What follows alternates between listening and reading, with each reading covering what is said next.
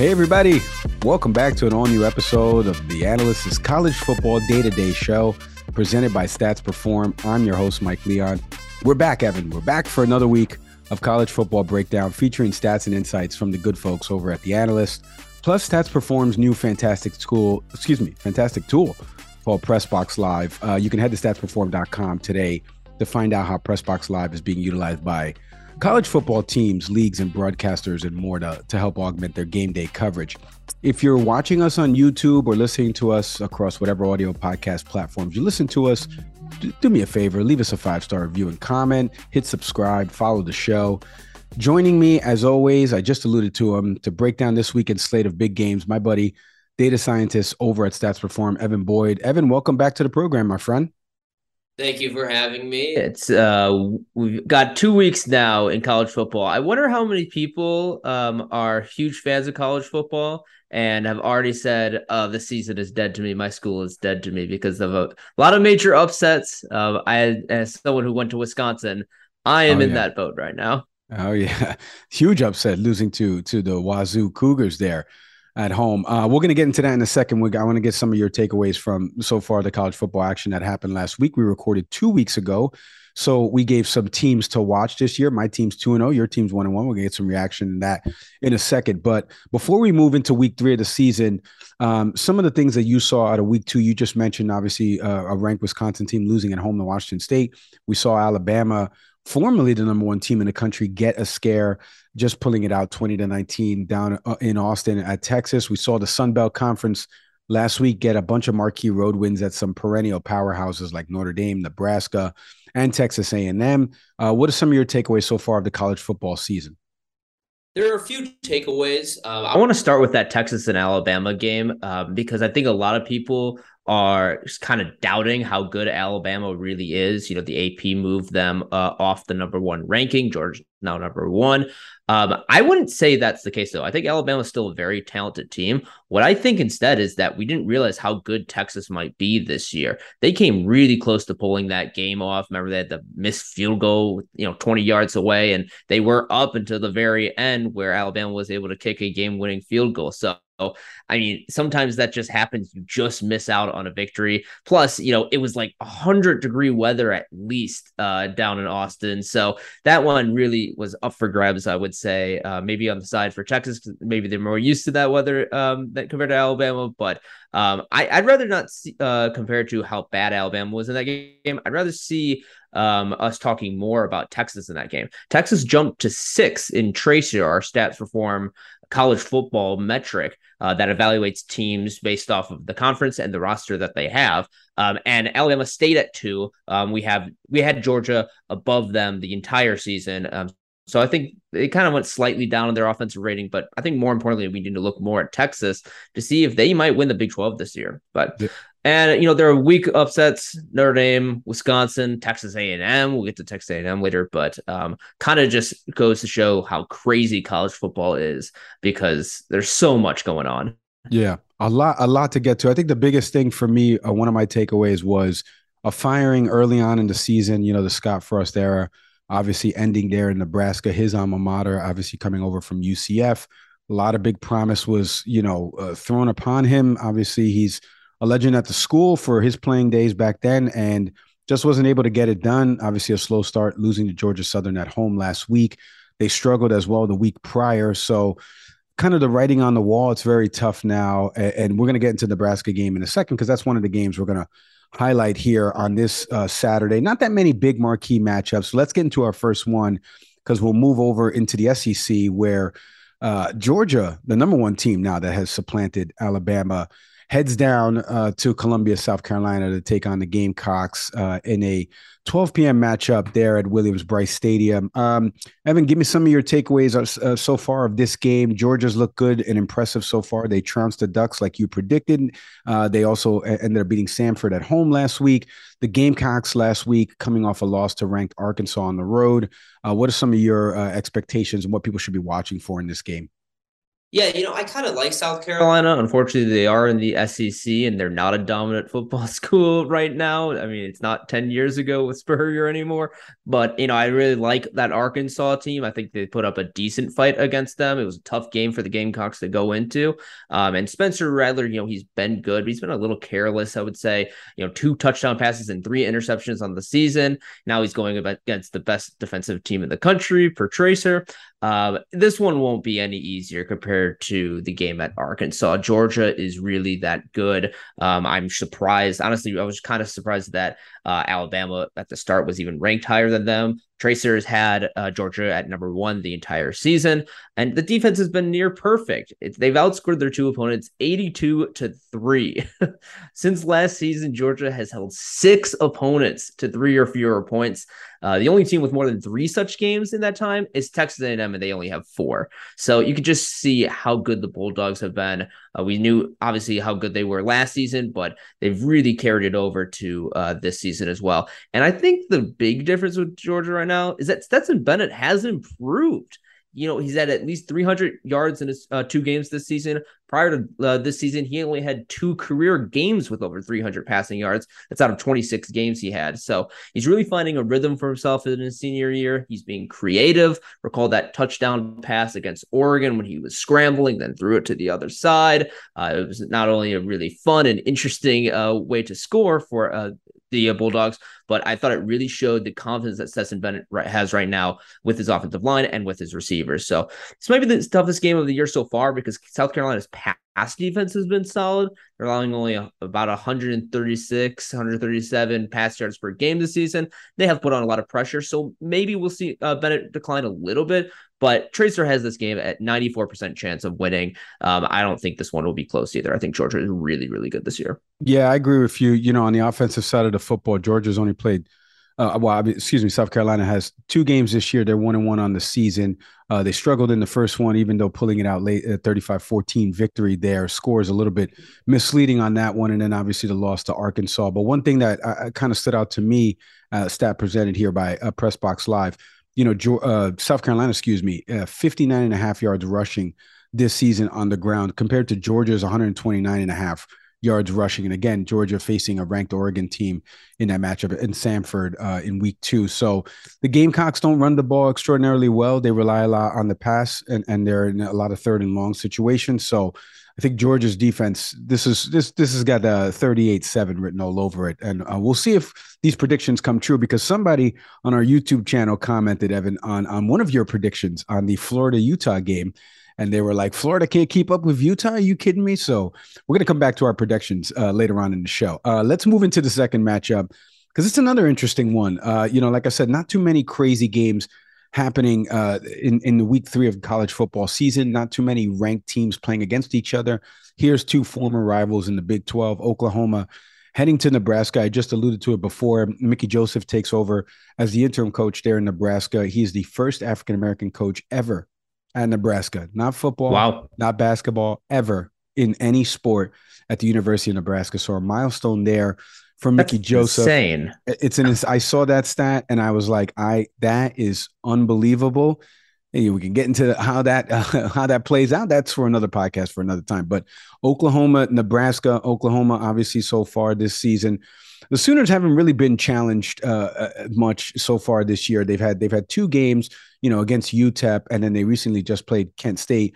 Uh, they trounced both of those schools, combined scores of 78 to 16. So the Sooners offense picking up right where it left off last year, even though they lost obviously Caleb Williams, and then they ended up losing their coach. Uh, so the Sooners have not slowed down from that side. Nebraska, however, like I mentioned, they are they've played three games so far. They played in week zero in that Northwestern loss out there in Ireland. Then they they struggled in week two, winning 38 to 17 at home. And then obviously last week, a high scoring affair, but losing late to Georgia Southern 45 42. What are some of your uh, things that you're watching for in this matchup between the ranked Sooners heading over to Lincoln? Well, obviously, this is going to be a main game to watch because of the firing of Scott Frost. And remember that one game that they did win against North Dakota, they were tied at half with that game, and that's just pretty crazy to think about. Um, so obviously, I think they had to let him go. Um, I think this is a long time coming, even if it was a slam dunk hire, which it was. Um, I think uh, no one was uh, arguing against it when they did hire him. Uh, it made perfect sense, and it just didn't work out the way it did. Um, but you know, this Nebraska team, I don't know if they have a defense right now. I mean, they've allowed 642 total yards to Georgia Southern.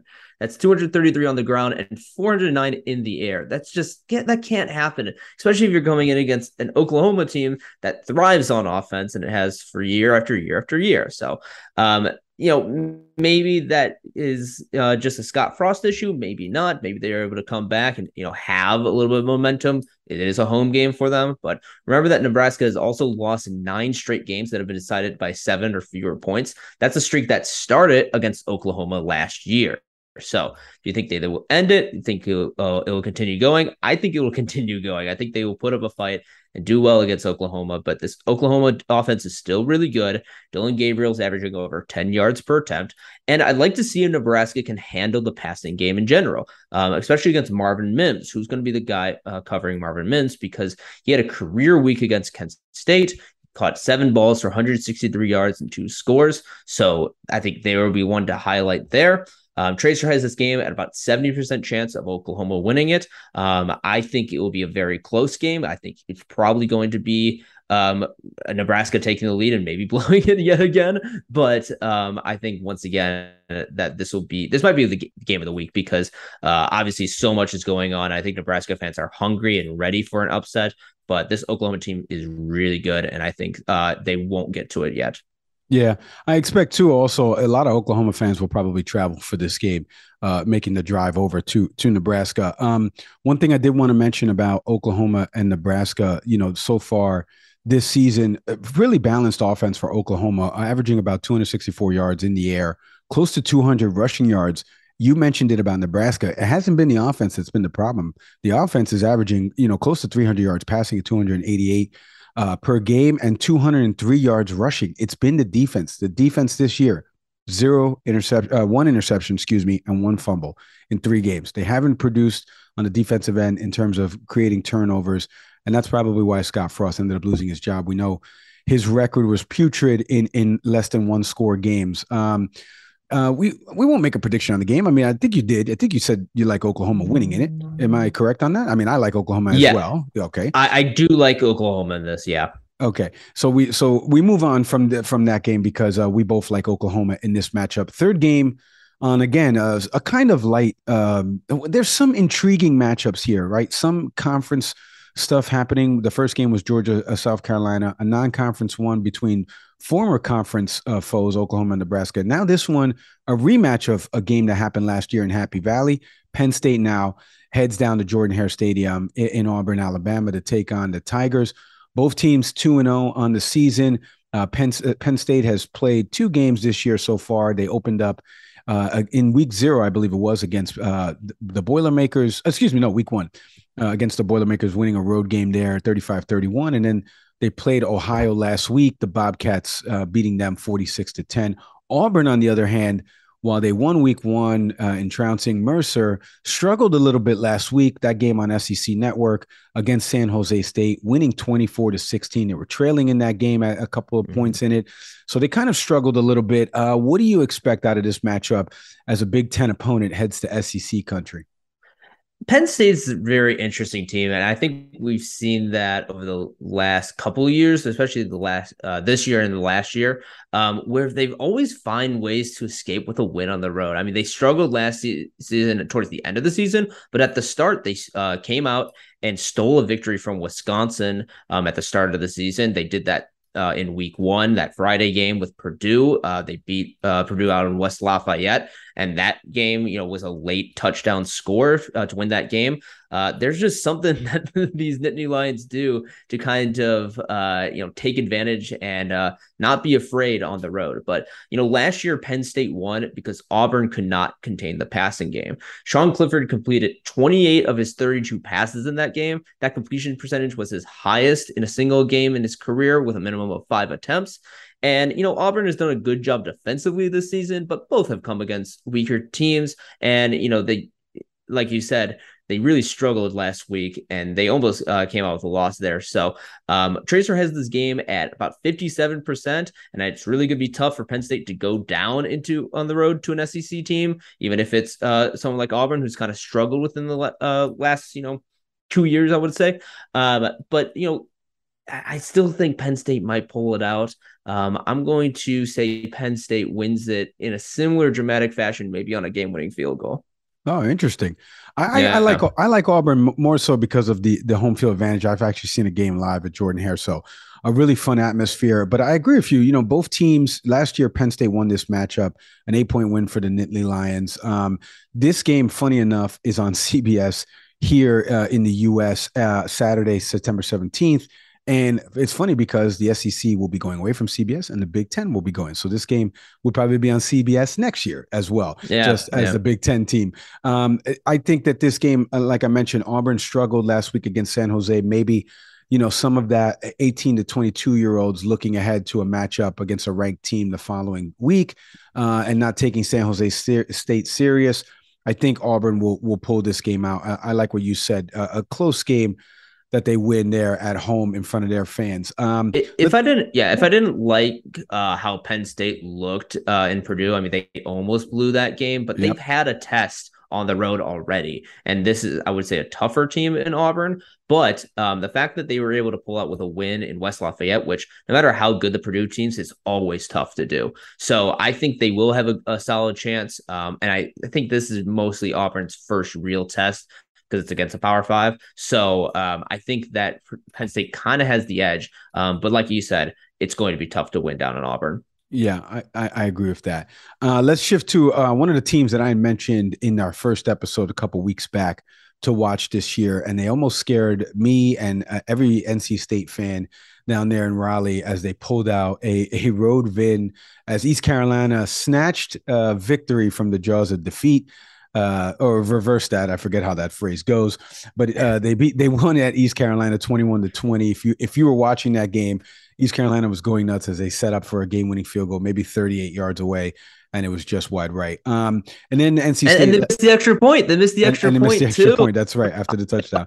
so sad. yeah, uh, a, ver- a, very crazy game. Uh, but NC State last week, t- playing Charleston Southern at home, won that game 55-3.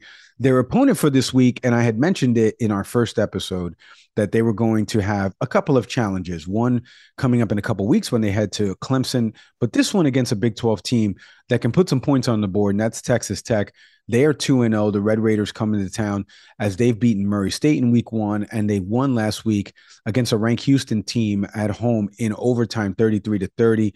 What are some things that you're watching here uh, uh on the uh, in this game front? I mean, for me, Devin Leary obviously is the big story, and how he's been able to bounce back again against weaker competition in week two. Didn't look that great in week one. What do you expect out of this game? Well, yeah, you mentioned Devin Leary, and I'll get to him uh, in a sec. But what about Donovan Smith? Which Donovan Smith are we going to see too? Because in Week One against Murray State, he was near perfect. You know, he went 14 for 16 with 221 yards and four pass TDs. And then in Week Two, you know, he threw for a whole bunch of yards because that game went into a million overtimes um, with uh, two touchdowns, and he was able to run more in that game against Houston. But he did throw three interceptions. He was a little sloppy. One of them was a pick six, and another led to a field goal. And those were 10 points all coming in the fourth quarter that led Houston uh, coming back into that game. So, but boy, that game was wild and significant to some, I might add.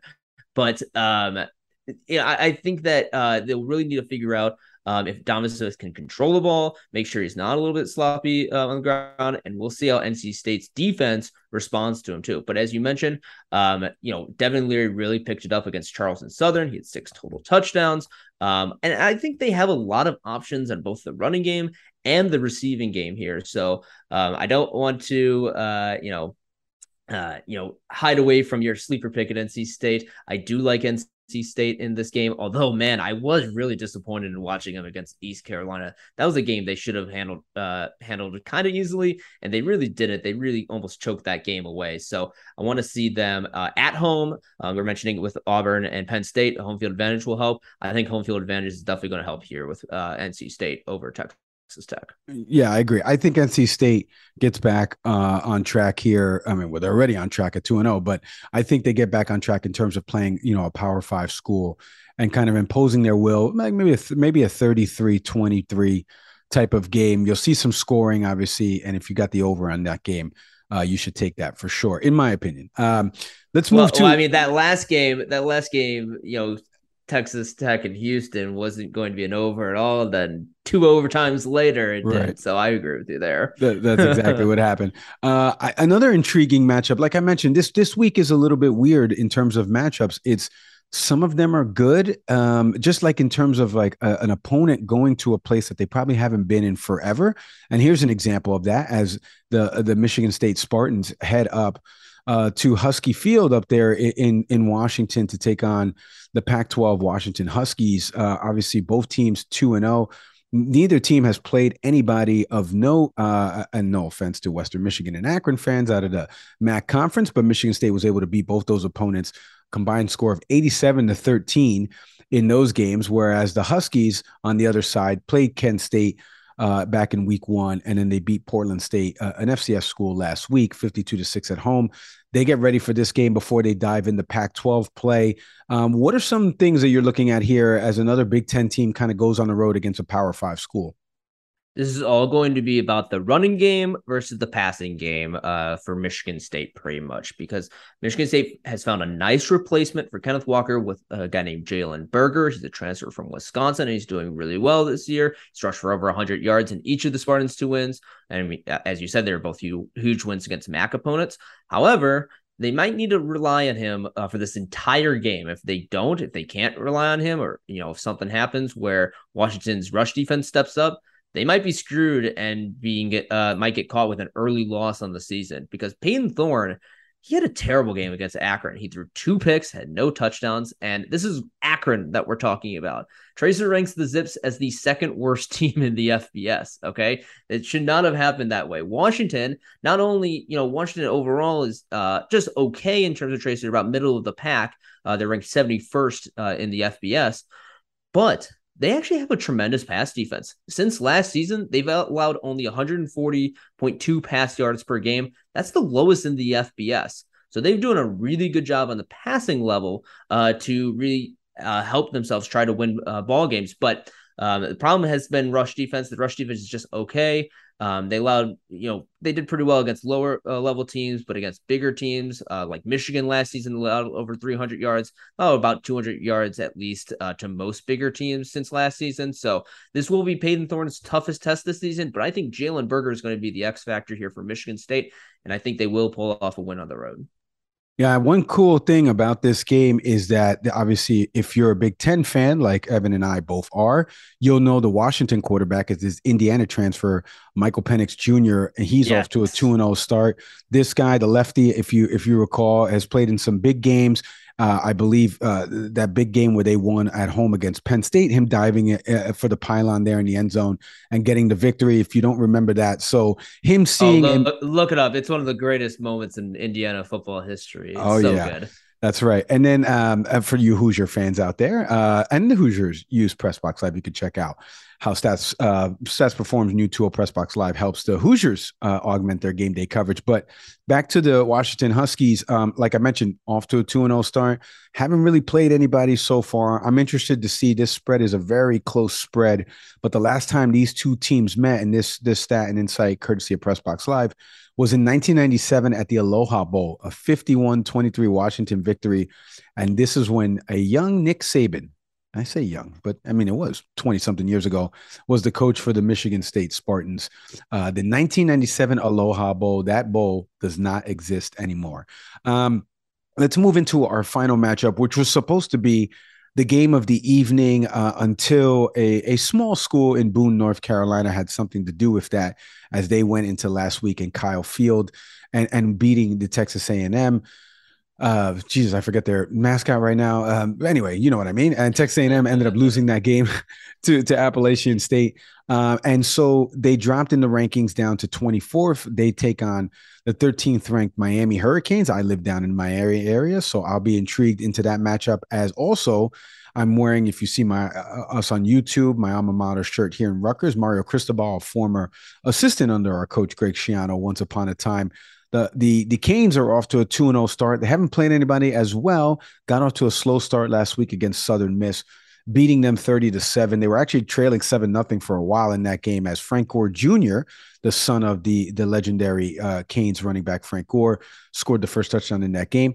Uh, 2 and 0 for them. Texas A&M 1 and 1 at home like I mentioned. The Aggies just averaging about 22 and a half points per game through the first 2 weeks for Coach Jimbo Fisher. Uh, Aggie fans starting to get a little bit Aggie, I would say, at at Jimbo, uh, trying to figure out where's the offense is coming from. They haven't looked the way they're supposed to look. Uh, he has one of the top recruiting classes in the country. I think he has the number one class in the country. So the Aggie fans are expecting something big. And it hasn't happened yet for the Aggie fans, as they, like I mentioned last week, losing to an unranked Appalachian State. Uh, Evan, the matchup probably that was supposed to be college game day, all the glitz and glamour around it, two potentially two and zero oh teams, top ranked, you know, and now we lose some of that luster. But what are you looking for as, as an ACC school heads into SEC country? Yeah, and shout out to Appalachian State. I think they are massively underrated. I think the Sun Belt in general is underrated. Um, they've been uh, really good uh, this year. Um, and you know they lost that crazy, crazy game to North Carolina, but I think they uh, really did well against A&M.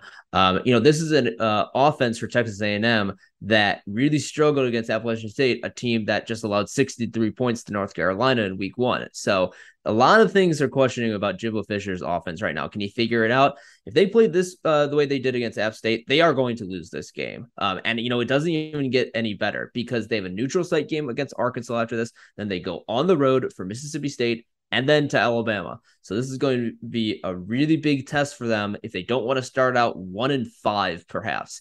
Um, so I do think actually that Texas A&M will come back in this one, partially because um, I'm not yet sure of Miami's true talent. I mean, we know how good I, I truly love Mario Cristobal. I think he's a fantastic coach. I think uh, Miami's rush defense has been underrated this year, and that will be a big deal for uh, against Texas A&M. Um, and I'm but and you know their offense has been really good. Uh, I think their running game is fantastic. They have a good combination between Henry Parrish Jr. and Thaddius Franklin Jr. They've combined for over 300 uh, yards and seven touchdowns. Both are averaging over five yards per carry. Um, so I think the rushing defense um, will be a, at a big test for Texas A&M. Um, but we'll see. I think Texas A&M might be able to come back. Maybe i am just giving it to home field advantage, but um, I think A&M will uh, actually, uh, you know, uh, show people that they were worth their uh, ranking early on to the season um, and beat Miami. Well, you know, one thing I wanted to give stat wise, courtesy of Pressbox Live, uh, the Hurricanes, the last time these two teams met was a home and home back in 07 and 08. And the Canes swept both the home and home against the Aggies. Miami has a two and one, two to one advantage in the series, fourth meeting overall all time between the two schools as the Aggies are a five and a half point favorite. As we wrap here, uh, real quick, Evan, I want to get your takeaways on the Heisman Trophy. It's never too early to look at the most prestigious award in college football. Uh, CJ Stroud, Bryce Young's big comeback on that last drive against Texas. Caleb Williams is lighting up scoreboards left and right, not only in the state of California so far. Uh, give me some of your thoughts early on, real quick. Who you think uh, it will be Heisman front runners, just from what we've seen so far in college football season? Yeah, it's to me, I think it's way too early to tell. I know we had Stroud and Young um, as the two favorites. Um, I really like Jaxon Smith-Njigba going into this season, but obviously he's had some injury troubles. Um, I'm going to throw out a name that I threw out earlier, and I'm quite curious to see what you think about it because we don't really think of as a Heisman. But what about Stetson Bennett? He's been fantastic uh, this year, and obviously he's leading a very good Georgia team. They're obviously going to do well. They're going to win games. And he has looked, uh, I would say, maybe his best. Um, he's averaging right now a career high in yards per attempt. Obviously, it's still way early in the season, but you know that way they killed that uh, Oregon team, a team that I think is still pretty good. I think maybe the senior might be able to be a kind of a surprise and maybe take home uh, uh, the Heisman. But like I said, it's really early to tell. Um, it's going to be probably a quarterback that does really well. It could be a receiver that uh, really breaks out, but um, right now, if I had to say anything, I would say Georgia has been by far um, the best looking team right now. So why don't I give it to uh, Stetson Bennett, who's leading that squad? Uh, you know, I, that's a great pick because, like I said, number one team in the country. He's playing well. They're playing well. I just mentioned it before about Caleb Williams. I've been super glued on the USC football team. They play five of their next, excuse me, four of their next five at home. They travel to Oregon State in a couple weeks, which will be a big game. They play the team that you like in Fresno State this coming weekend. But the mm-hmm. way Caleb Williams has looked, it's been uh, you know like like he hasn't even transferred to USC from Oklahoma and he's got a new set of receivers obviously still playing under the same coach. A lot of the terminology in the playbook is the same.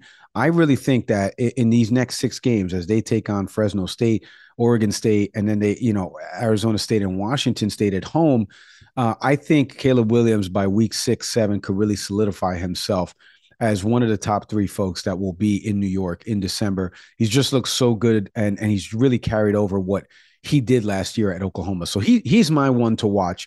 And again, super early, but so far so good out there uh, in Southern California. Uh, thank you to Evan Boyd. Uh, like I mentioned, you can check out our show across everywhere and check out Stats Perform's fantastic tool, Pressbox Live. You can head to statsperform.com today to see how we help teams, leagues, broadcasters, and more augment their game day coverage. Thank yous to Evan. We'll catch everybody on the College Football Day to Day show next time.